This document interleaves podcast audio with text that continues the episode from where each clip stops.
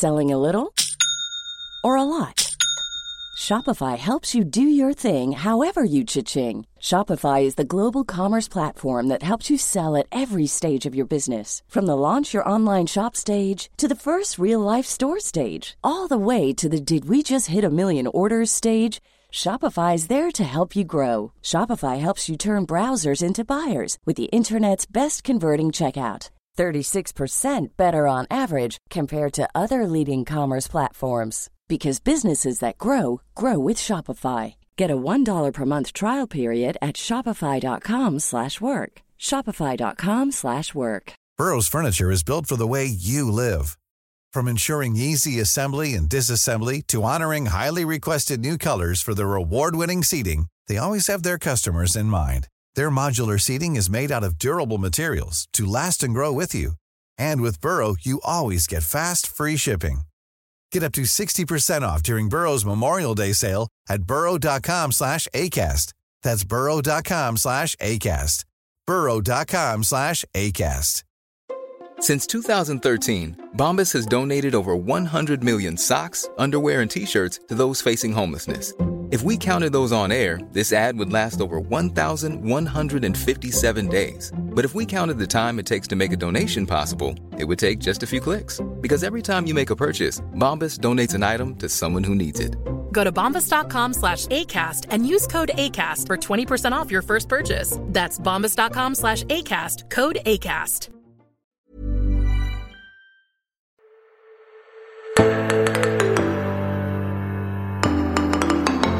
Vi har besøk av økonomiprofessor Ola Honningdal Grytten. Du er rett og slett eh, professor i økonomisk historie, men du er stadig vekk på TV for å kommentere hvordan eh, det står til med, med rikets tilstand eh, med tanke på økonomi. Og Vi kan jo starte med sånn ja, situasjonsbeskrivelse. Hva, hva er det du særlig er opptatt av i norsk økonomi nå? Hva er liksom Oi. Det var et godt spørsmål. Ja. Jeg vet at jeg er opptatt av, det aller meste i økonomien. Ja.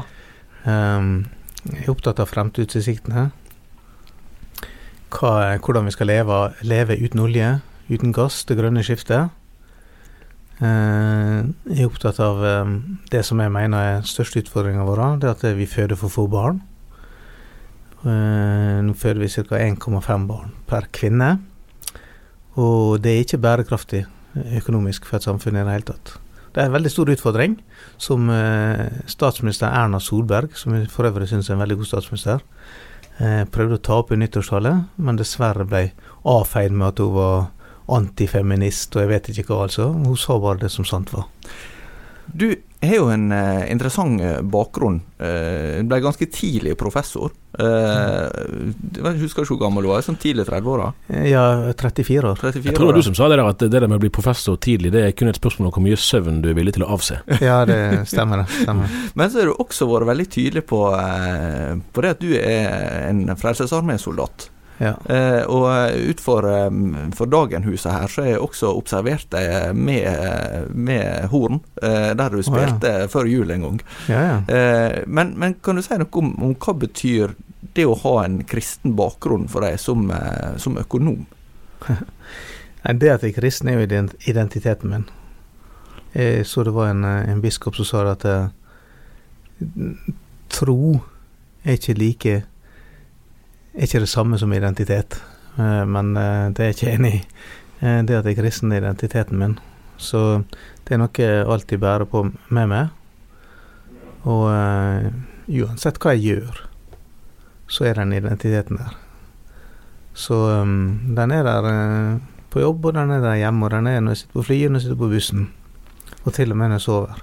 Men er det noen perspektiv du tror du blir ekstra opptatt av eller oppmerksom på, også som, som økonom, i og med at du har et ja, perspektiv på livet? Ja, det tror jeg. Jeg tror det, det er en ting som ligger veldig langt fremme i hodet mitt, og det gjør det nok med mange andre økonomer også, selv om de ikke nødvendigvis deler min tro. Så er det at eh, verden er mye annet enn eh, nyttemaksimering, som samfunnsøkonomer gjerne snakker om, og profittmaksimering, som bedriftsøkonomer gjerne snakker om. Og økonomien er veldig mye mer enn det. Og det er absolutt ikke noe tilstrekkelig for å ha en god økonomiforståelse. Har det, har det endret seg på noen måte, opplever du, eh, er- anerkjennelsen av, av kristen tro sitt samfunnsbidrag blant dine økonomkolleger fra du begynte å studere eh, til eh, i dag? Det, det er vanskelig å svare på. Det, det kan si da, at vi lever jo i en tid nå der det er veldig sterkt press mot kristne verdier. Eh, kristent arbeid, kristen aktivitet, og media, med unntak av dagen da kanskje, og noen til, er jo blitt veldig opptatt av å ta kristne, og ta kristen virksomhet. Av til saklig, og av til usaklig. Ehm, jeg tror at økonomer er, er for så vidt ikke har den samme hva si, negative utgangspunktet til, eh, til kristendom som en del andre vitenskaper har. Eh, mens noen vitenskaper igjen har veldig positiv holdning Mm. til, til, eh, til kristen tro. Ser du noen årsak der? Nei, eksempel hvis du er historiker, Mm. Jeg er jo både historiker og økonom, så, så lærer du jo veldig mye, du leser veldig mye, forsker veldig mye om positiv betydning som kirka, menighet, misjon har hatt for eh, økonomisk utvikling, vekst, helse og, og utvikling av sosiale eh, tjenester. Så, så historikere vet jo det. Mm. Eh, så da er man ofte positiv. Eh, En hel masse økonomer vet jo også, hvis, iallfall hvis de er historisk interessert, at eh, bidraget fra puritanismen, bidraget fra haugianere og sånt, har, har vært positivt i økonomien. Så jeg tror nok at du finner en langt mer balansert holdning til, til kristen tro og liv blant mange økonomer enn du gjør blant mange andre. For økonomer er ikke sikkert at man bare tenker penger og penger. Det er langt derifra. Ja, Det er sunnmøringer som gjør det. ja, det er to av, to av de i rommet. Det har jo vært etablert i egentlig mange år det at på Norges handel- handelshøyskole, der du er professor, der har jo det kristne studentarbeidet tradisjonelt vært ganske sterkt Ja, det er sterkere det. enn på mange andre fakulteter Mm, det er eh, og studiesteder rundt Ja. i byen her. Det er et ganske betydelig innslag av kristne studenter på Handelshøyskolen fremdeles. Det er det. Så det har markert seg ganske kraftig. Så jeg er jo så heldig når jeg viser økonomisk historie, og, og da er det klart at det, da er det min plikt å også formidle det som handler om eh, puritanisme og haugiansk eh, haugianske bidrag til økonomisk utvikling og vekst. Kan, du si noe i korte trekk om hva du tenker vært kristendommen sitt bidrag til økonomisk utvikling? Ja. Det er ikke så lett å si på få ord, for dette, men eh, det er klart at idet man fikk eh, puritanismen på 1600-tallet, og nypuritanismen på 1700-1800-tallet, representert kanskje med, med metodistene spesielt, eh, så på 1700-tallet, og 1800-tallet, så, så tenker jeg at eh, at det er nok en kjensgjerning at den individualiteten som kom inn i den puritanske bevegelsen, vekkelseskristendommen, at du personlig er ansvarlig overfor Gud, du personlig er ansvarlig overfor dine medmennesker. Det er ikke en prest som er ansvarlig for det, det er ikke en biskop, det er ikke en pave, det er ikke en kirke, men du personlig har et forhold til Gud. Den førte til veldig mye vekt på individuelt ansvar. Og det førte til liberalismen, som dessverre mange kristne tror liberalisme er noe fy-fy. De tror det, det er det sterkestes rett, men liberalismen det var en protestbevegelse. Det var en kristen og akademisk protestbevegelse mot forskjellsbehandling, mot monopol, mot privilegier. Alle mennesker er skapt like for Guds side, så alle skal ha de samme rettighetene til å skape det samme og utfolde seg likedant. Og det, det er født i puritanske kristne miljø. Så, og, og det har betydd mye for den økonomiske utviklinga. På NLA-høgskolen gir vi deg utdanning med mening. Og samfunnet trenger både sannhetssøkende journalister, kloke pedagoger, etisk bevisste økonomer og musikere som berører. Sjekk ut NLA-høgskolens studietilbud på nla.no, eller besøk et av våre studiesteder i Bergen, Kristiansand eller Oslo. Skal jeg få lov til å vende blikket mot Sunnmøre? Som den eneste ikke-sunnmøringen i rommet. Ja, vær så god. Det, Det tipper dere liker begge to. ja, ja. Kanskje.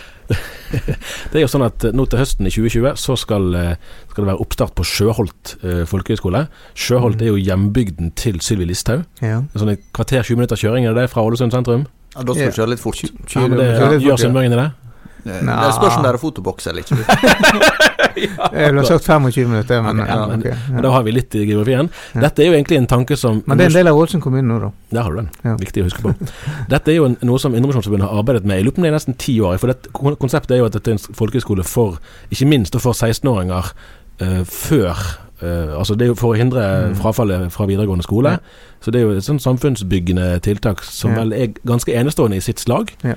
Eh, og så har det sikkert vært, vil jeg tro, ganske sørgelig for IMF som skoleeier å se at det som har blitt eh, saken rundt den skolen så langt, Mm, mm. handler om ansettelsespolisien knyttet til et verdidokument. Som, så har det vært en del formelle eh, forhold til, knyttet til hvorvidt dette er gyldig, hvorvidt det er Mm. korrekt i det hele, eller om det rett og slett er feil, det som, Mm. som har blitt omtalt både i lokale og i nasjonale eh, medier. Så det er jo en ting, den, og det har jo du, Ola, engasjert deg litt Ja. eh, i. Ja. Men bak det faktiske, da, om hva reglene faktisk sier, så, så er det jo et kontrovers som for så vidt ligger der, litt uavhengig av det. Ja, ja, ja. Sant? Og man tenker jo at Sunnmøre er et av de områdene i Norge med sterkest kristen forankring. Her Mm. ser du en veldig tydelig front da, Mm. fra, fra et samfunn rundt. Ja. Eh, hva er det som, som rører seg eh, her, egentlig? Ja, det er, vel, det er et veldig godt spørsmål. Eh, For det første så er jo det, det er helt åpenbart at um, media ikke har fremstilt denne saken på en, en god måte. Mm. Um, man har egentlig gjort to fjær til fem høns. eh, og vært uredelige om verdidokument. eh, vært uredelige om, om ansettelseskrav. og jeg vil si feilinformert. eh, til dels med vilje. Og ikke, en del er fremdeles ikke villige til å gjøre noe med det. Men så kan man spørre hvorfor i, dag, i alle dager er det så viktig å sverte denne skolen. Og hvorfor er det så viktig for dem som kommer i, fra bygda, altså Bygdebladet, som Mm. har kanskje vært slo dette først opp, da. Hvorfor i alle dager er det så viktig å sverte dem? Og, og det er jo jeg, jeg ser det på en måte ikke annen årsak enn at de, de ikke liker konservative kristne Mm. og vil ikke at konservative kristne skal få lov å drive skole. Og derfor gjør man alt man kan, både av ja, sjoflegrep og mindre sjoflegrep, for, for, for å stoppe dem. Ehm, så det ligger i bunn en totalitær tankegang og manglende forståelse for, for uh, toleranse. Og manglende forståelse for mangfold, der man sier at kun dem som mener det som flertallet mener, Mm. skal ha lov til å drive noe. Vi var jo rundt på en sånn jubileumsturné, Tor Hjalmar og meg, i høst sant, i forbindelse med dagen fylte 100 år. Annet på Sunnmøre. Og da, da har jeg tenkt etterpå at da spurte jeg eh, på alle de stedene vi var, eh, om, om det er en sammenheng mellom at der kristendommen tradisjonelt har stått sterkt i Norge, der har det òg vært en tydelig motpol. At der er det mange som har ønsket å si at ja, jeg kommer fra Ålesund, eller jeg kommer fra Sunnmøre, eller fra Kristiansand, men jeg er ikke med i den Mm, bevegelsen. mm, mm. Men de fleste stedene så fikk vi ikke noe bekreftende svar på det. Nei. Men så har vi jo sett nå både med, med Q42 i Kristiansand, med kontroversene Mm, rundt der, mm. og nå med dette, at det er nå sannelig noen fronter der likevel, da. Ja, men jeg, er likevel overraska på Sunnmøre. Eksempel så er det en, en av de største næringslivskonferansene på Sunnmøre, heter MOA-konferansen. Veldig stor konferanse. Og det har de, den har de i Pinsekirka Ja. på, i Ålesund, ikke sant? På Moa. Mm. Og der er det ingen som forlanger at man skal dekke til noe kors, eller det skal være altså, det, det, det er ikke noe som kommer på tanken engang. Mm. Man er bare glad for at man får holde der og sånt. Så på en måte så kan man si man er litt overraska, men alt dette som har med samliv, det er, det er blitt ekstremt betent. Og jeg, jeg, tror at noen reagerer på ting som er kristen, bare for å tenke samliv. Og noen bruker denne samlivssaken for å, som en brekkstang for Mm. å bare, bare ta det som er kristent. Så det, det er nok litt sånn uh, ulike motiv. Men hva tenker du, som er såpass mye i kontakt med Altså Du er jo ofte i media, du er ofte i, i det offentlige rom, da. Ja. Eh, Hva tenker du er en god kristen strategi i, i møte med en sånn utvikling? Nei, jeg tror kristne i Norge har uh, bare bøyd nakken og vært stille og håpet at eh, vinden snart skal løye. Altfor lenge. Jeg tror man må nødt til å stå opp og si hør her, dette er ikke tilfellet, dette er ikke sant. Nå er dere intolerante, nå er dere totalitære. Eh, det har vært altfor lite av. Man har argumentert altfor lite og funnet seg altfor mye. Og mange er feige. for Man, man, man ser på slik ok, nå er det dem som blir angrepet, det er ikke meg, så jeg får være stille, så angriper ikke jeg meg også. Så jeg må si at i denne saken her så håper jeg virkelig at Indremisjonen går til pressens faglige utvalg, for de har en kjempegod sak. Eh, Og det, det gjelder mange andre. Eh, for eksempel, ja Smiths venner har mange, mange har egentlig god anledning til å gå, gå til, til slike saker. Eh, mange som har spurt meg, for jeg har vært ute og forsvart dem, og det er mange som har spurt meg om jeg er Smiths venner. Det er for så vidt, for at uh, samfunnsøkonomiens fagets grunnlegger heter jo Adam Smith. Ja. så jeg er jo, jeg er jo Smiths venner på den måten, men ikke på en annen måte. ja. jeg, jeg, har jo tenkt at, at problemet med med Adam Smith at det blir for mye gamle Adam Smith. Eller er for smitte av gamle Adam. oi, oi, oi, nå er vi på ditt plan her. Oh, ja, nå er du langt inn på uh, ja. vivesk ja. term terminologi. Nei, nei, men det, det, ligger jo noe der med, med hva jeg sier, mm. tanken om, om det å gi rom for, for, for, at folk får utfolde seg. Vet du, Adam Smith ja. Han, han sa følgende Økonomifaget bygger på to pilarer. Det ene det er egoisme, og det andre det er nestekjærlighet. Så når vi skal lage et fag, teori om samfunnsøkonomi, så må vi huske på at vi kan ikke bare se på eh, maksimering av profitt og nytte, men vi må også se på en del av nyttemaksimeringa vil også være nestekjærlighet. Og det begrunner han bl.a. med Bibelen. Så er Adam Smith var på ingen måte en uh, en sånn uh, mann som bare kjente på kjørets lyster. Altså. Han, han mm. forsto virkelig verdien uh, av å, å, ta hensyn til andre mennesker. Et uh, viktig utviklingstrekk i kristelig arbeid i Norge i nyere tid, dette har vi diskutert mye på kontoret her, Tor Hjalmar og meg, det er at mange menigheter i ulike sammenhenger har strevd med oppslutningen. Det går nedover ja. mange steder. Ja. samtidig så etableres det nærmest stadig nye skoler, f.eks. Altså det er stadig mm. kristne institusjoner som etableres både her og der. Eh, disse er jo, altså menighetene, spesielt de som er utenfor Den norske kirke, der vil det ikke være så dramatisk hvis, hvis uh, statsstøtten skulle falle bort. Det vil jo være en omfattende juridisk prosess med vedtatt, altså grunnlovsendringer osv. Men for mange menigheter vil ikke det være så dramatisk. Men for skolene vil det være ja. kritisk hvis, uh, hvis man opplever at, man, at, det blir stilt betingelser man ikke er interessert i å innfri. Hva ser du for deg der, når vi snakker om dette, når Sjøholt er eksempel, da, mm. hva vil være et fremtidsscenario som du tror er, er sannsynlig eh, for de kristne skolene? Ja, jeg tror den kristne skolene kommer til å miste statsstøtte. Jeg tror det bare er et tidsspørsmål. De tolerante er ikke tolerante nok til å gi dem statsstøtte. Mm. De vil kun gi til dem som er enige med dem sjøl. Um, ehm, Dette er ganske dramatisk. Ja, men det tror jeg. Det er et tidsspørsmål. Uh, vi ser Danielsen har jo vært ute i hardt mm. vær mm. i Bergen. Mm. Uh, og, og se andre ting. Stavanger. Ja, SV vil ikke gi penger til kristent mm, eh, oppveksttilbud. Oppvekst, ja, ja. og, og, og, samme SV i Bergen som går til angrep mot barnevakten mm. fordi at det, det er stifta av kristne personer. Mm, mm. så, så, det er åpenbart at, at det, det vil komme ei bølge, tror jeg, der. Bølga er her, men det er bare et tidsspørsmål før, før denne statsstøtta trekkes. Men det må man ordne juridisk først, og det kommer til å ta tid. Og det, og det, skjer ikke så lenge Erna Solberg er statsminister, for hun greier å tenke prinsipielt. Mm. I tillegg så er KrF fremdeles inne på Stortinget, og de er på en måte garantisten for at dette ikke skjer. Men hvis KrF skal falle under sperregrensa og forsvinne ut av Stortinget, så har Kristen-Norge et kjempeproblem.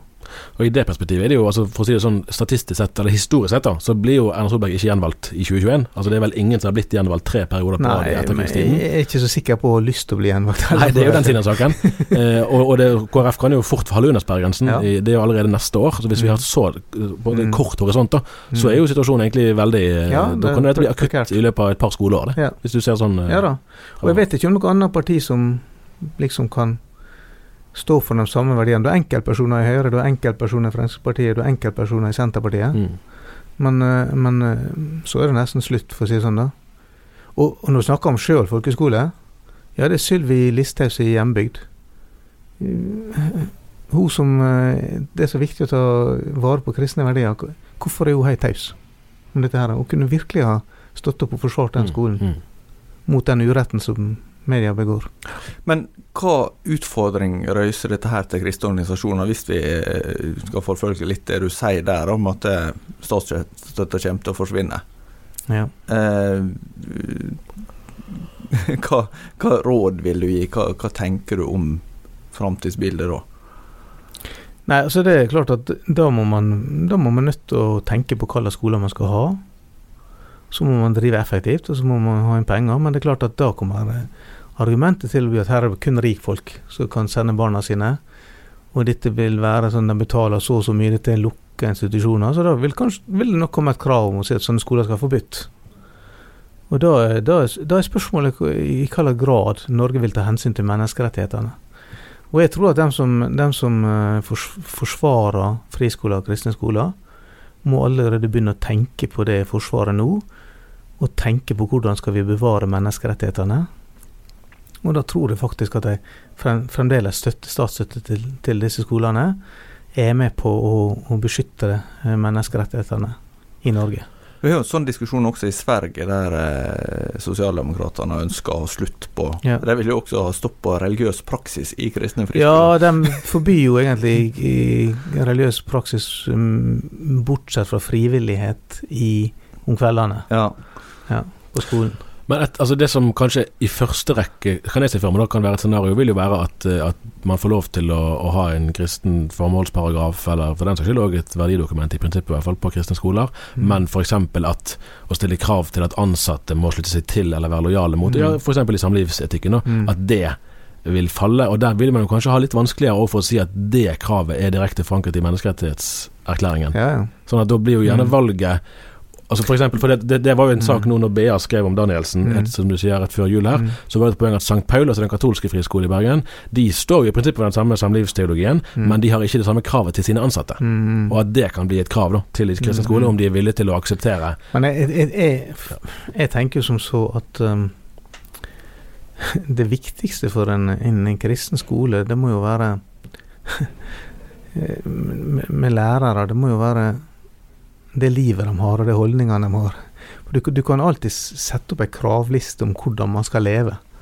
Og, og, hvem som helst kan jo både falle fra den, og hvem som helst kan oppfylle. Det, det viktige må jo være at man, man står for Man har eh, Jesus i hjertet, for å si det sånn. Så, så, så for meg så, så, er det kanskje litt rart at man, man har en sånn kravliste. Mm. Um, og nå er jo ikke den kravlista så, så tydelig som, som, media vil ha det til, da. Mm. Men, men, men, eh, men, eh, langt ifra. Men, likevel så er det sånn paradoks for meg at eh, kanskje en del kristne skoleeiere ikke stoler nok, nok på, på, dem som blir ansatt, og ikke stoler på dem som skal ansette dem nok. Så Derfor så skriver man eh, sånne kanskje litt for utfyllende krav. Mm. Ja, for der, der, er det jo handlingsrom for, på det punktet der. Det kan, det kan man jo faktisk gjøre nå. Men er dette her ei, ei utvikling som du tenker er litt sånn uavvendelig? Er du helt sikker på det går sånn, eller eh, er det mer sånn du, du advarer de som hører på? Jeg er nesten helt sikker på. Ja. det, det, går den veien, altså. Det, det ser vi overalt. da. Ja, da det har ikke dermed sagt at menigheten kommer ja. til å falle unn, men, men, motstand for, for, Guds menighet er jo egentlig bra. Det er da menigheten vokser. Men, men det tenker du også når du ser på internasjonale trender, at det gjelder ikke bare Norge? Det gjelder internasjonalt. Har du lest noe sånn kirkehistorie? Det, det, er jo kanskje òg en side ved økonomisk historie. Hvordan, altså for det er jo interessant å forstå eh, samfunnsutviklingen i et større perspektiv, og se hvordan skal da vi som kristne opptre. Skoler er jo én ting, men det er jo tross alt ikke det viktigste. Mm. Enda viktigere. For du har jo som du, har, du var jo spaltist i Dagen i flere år. Jeg oppfattet at du, at du egentlig kunne være litt sånn irritert på, på kristne som var i overkant forsiktige. Da. Ja, stemmer det. Nei, altså, se på, se på en del land. Se på Afrika.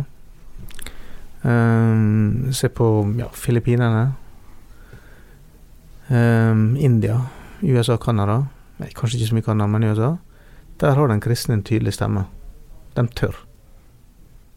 Det er ikke alltid jeg er enig med dem, men de tør. De mm. tør å si fra. Og der greier man å holde på folk. Men hvis man hele tida skal bukke under, og bukke under, så kommer man ingen vei. Det er omtrent det samme som ja til EU-bevegelsen i Norge.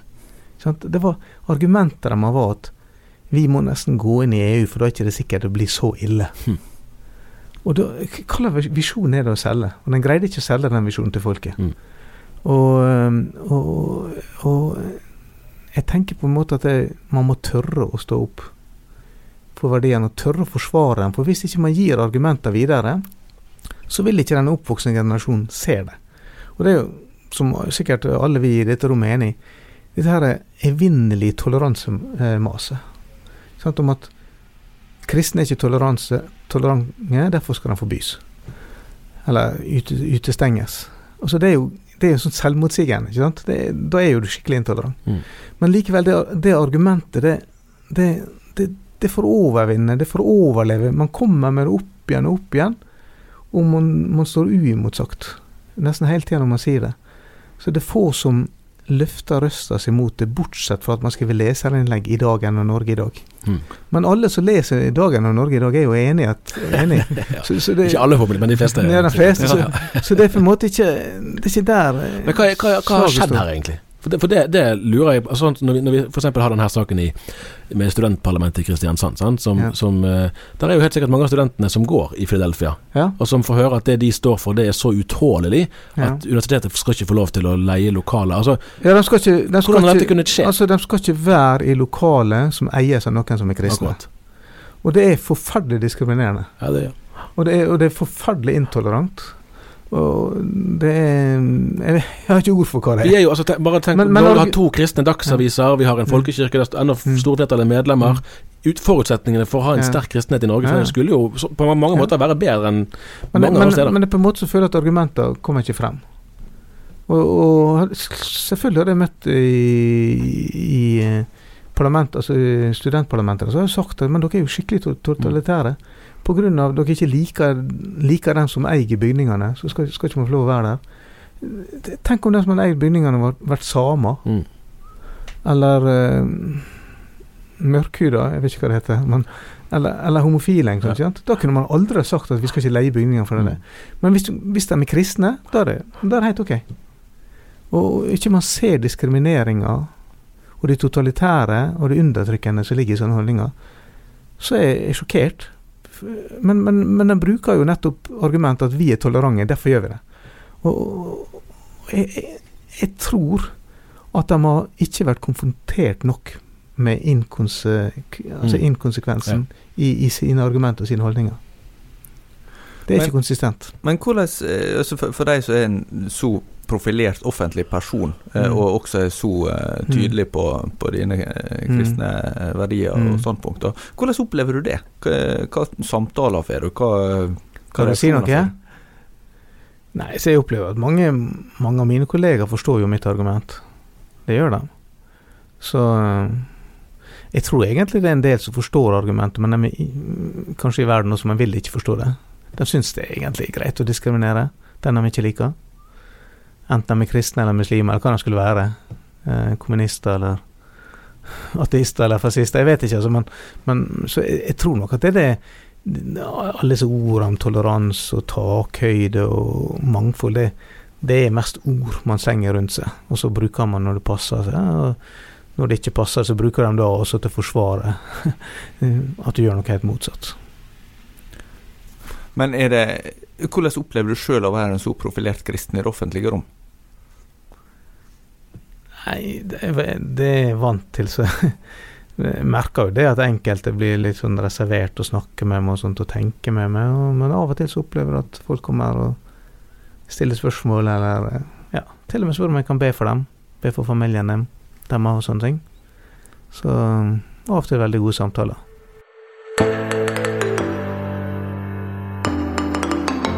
Du har jo interessert deg mye for haugianismen. Eh, som eh, Det er jo navnet til Hans Nilsen Hauge, som eh, snart er 250 år siden han ble født nå, tror jeg. Han ble, født i, han ble født i 1771, så det Stemmer. stemmer. neste år. Eh, kan du si noe om haugianismens betydning i dag? Det er jo mange Mm. som, som er opptatt av å være haugianere Mm. litt sånn i vår Mm. tid, men, men hva tenker du om haugianisme i dag? Nei, det skapte jo Det skapte jo det moderne Norge, og veldig mye av holdningene vi har i dag. Arbeidsetikken, arbeids, ikke minst arbeidsgiveretikken i Norge, som er ekstremt høy og ekstremt god. Det er veldig påvirka av haugianske tanker. Og det gjelder selv om man er ateist, og selv om man er humanetiker. Så er det å ta vare på arbeidsstyrken sin. Altså I Norge, det siste du gjør når det går dårlig, er det å si opp folk. Og det er sånn typisk sånn haugiansk tankegang. Ikke bare haugiansk, men det er mye haugiansk. Også det å prøve å, å være moderat og sparsommelig, det henger igjen hos mange fremdeles. Ikke alle, men mange. Så det med med også undervisning, skolegang, som han var veldig opptatt av. Det, det henger igjen. Så, så det Veldig mye av det økonomiske, det næringslivet, har en veldig sterk haugiansk tankegang, og ikke minst det politiske. Dagen har jo kontorer like ved Danmarksplass, som er litt sånn ja, forholdsvis kjent kryss i Bergen. Ganske forurenset, mm. men med mye trafikk. Rett mm. oppi, altså rundt her har det jo vært en, litt sånn sosialt belastet område. Nå er det mye byutvikling som har skjedd de siste 10-20 ja, ja, årene, så det har skjedd mm. mye. Men i dette området var du med å etablere Frelsesarmeens eh, korps, og det der illustrerer jo egentlig godt noe av det som har vært Frelsesarmeens fremste varemerke, som har gitt Frelsesarmeen et veldig godt omdømme gjennom mange år. Mm. At man tar ansvar for de underprivilegerte og ønsker å være der, eh, der nøden er størst og behovene er størst. Vi, vi kan jo nesten se Nykornborg skole oppe i bakken mm. her, der som mm. Frelsesarmeen har, har, arbeidet her i mange år. Det har du med din familie vært med på. Si litt om både utgangspunktet og om hvordan det har, har vært her med på. Ja, utgangspunktet var at vi ønska å, å gjøre noe for eh, en bydel. Altså Jesus gikk jo, når han møtte mennesker, så sa han 'Hva vil du jeg skal gjøre for deg?' Og eh, det var faktisk det han sa. Eh, ofte så vi kristne tenker at det, nå skal vi lage et godt kor eller et godt lovsangsteam eller lage gode stoler. eh, morsomme predikanter. Og, og, skal vi få folk inn. Og det, det lykkes man, men det, det, er bare kristne man får inn på den måten. Da. Bare kristne som er så dumme. For å si sånn. Men, men eh, Jesus sa 'Hva vil du jeg skal gjøre for deg?' Det var faktisk det han møtte menneskene. Så vi, eh, vi, gikk til en bydel som det er vanvittig mye godt i. Vanvittig mye flotte folk, men også har sine utfordringer. Hva vil dere vi skal gjøre for dere? Og vi fikk helt klare svar fra ja, organisasjoner, lag og myndigheter at de trengte barnearbeid, de trengte familiearbeid. Så vi eh, starta med det, og det tok veldig fort av, og vi ble flere hundre barn og unge som deltok i arbeidet, og det er det fremdeles. Og ut på det så bygde vi også en menighet som hadde som spesielt kall å betjene mennesker i bydelen. Og vi vokste veldig fort fra nesten ingen til veldig mange. Og til slutt så ble alle lokaliteter vi fant der for små, og så måtte vi flytte til sentrum og ha gudstjenester, men fremdeles drive mye arbeid i området og, og når mennesker på å gjøre hjelpe dem i hverdagen, hjelpe dem å ha et godt liv. Og så vet vi at vi alltid kan tilby det beste som finnes, og det, det er altså et nytt liv i Jesus. Så det, det er ikke vi redd for å tilby dem, for det, vi har ingenting bedre enn det. Og da er det jo eh, altså befolkningen i denne bydelen er jo Der er, der er mange uh, som ikke er de to kategoriene jeg sier noe om, men, men det er en del sosiale boliger. Og så er det jo òg en del altså Dette er jo en av de bydelene der det er flest innvandrere. Ja ja, det er veldig mange innvandrere, og vi har veldig mange innvandrere i arbeidet. Mange muslimer. Buddhister. Så, men i våre arbeid så har vi er de godt representert. Så når vi har det vi kaller aktiv ferie, som et ferietilbud, så, så uh, kommer det ja, 150 opp til oppimot 200 barn. og med alle ulike bakgrunner. Altså det er, som jeg sa, buddhister, det, det er humanetikere, mm. det, er, det, er, muslimer. Veldig mange muslimer. Og det er hinduister, det er jøder, det er kristne, og det er ingenting her, for å si det sånn. Mm, ja. Og alle trives, og vi har det godt sammen. Så det, det er veldig flott. Det er noen som sier at vi er kristne, derfor kan ikke vi derfor så integrerer ikke vi andre, men jeg syns det er et veldig godt eksempel på at det utsagnet er egentlig ganske tullete. Akkurat. Takk skal du ha, Ola Honningdal Grutten, for at du kom og var gjest her i Tore og Tarjei. Velkommen tilbake. Ja, bare hyggelig. Fint. Vi er tilbake neste uke. Ha det bra. Selling a little or a lot? Shopify helps you do your thing however you cha-ching. Shopify is the global commerce platform that helps you sell at every stage of your business. From the launch your online shop stage to the first real life store stage, all the way to the did we just hit a million orders stage.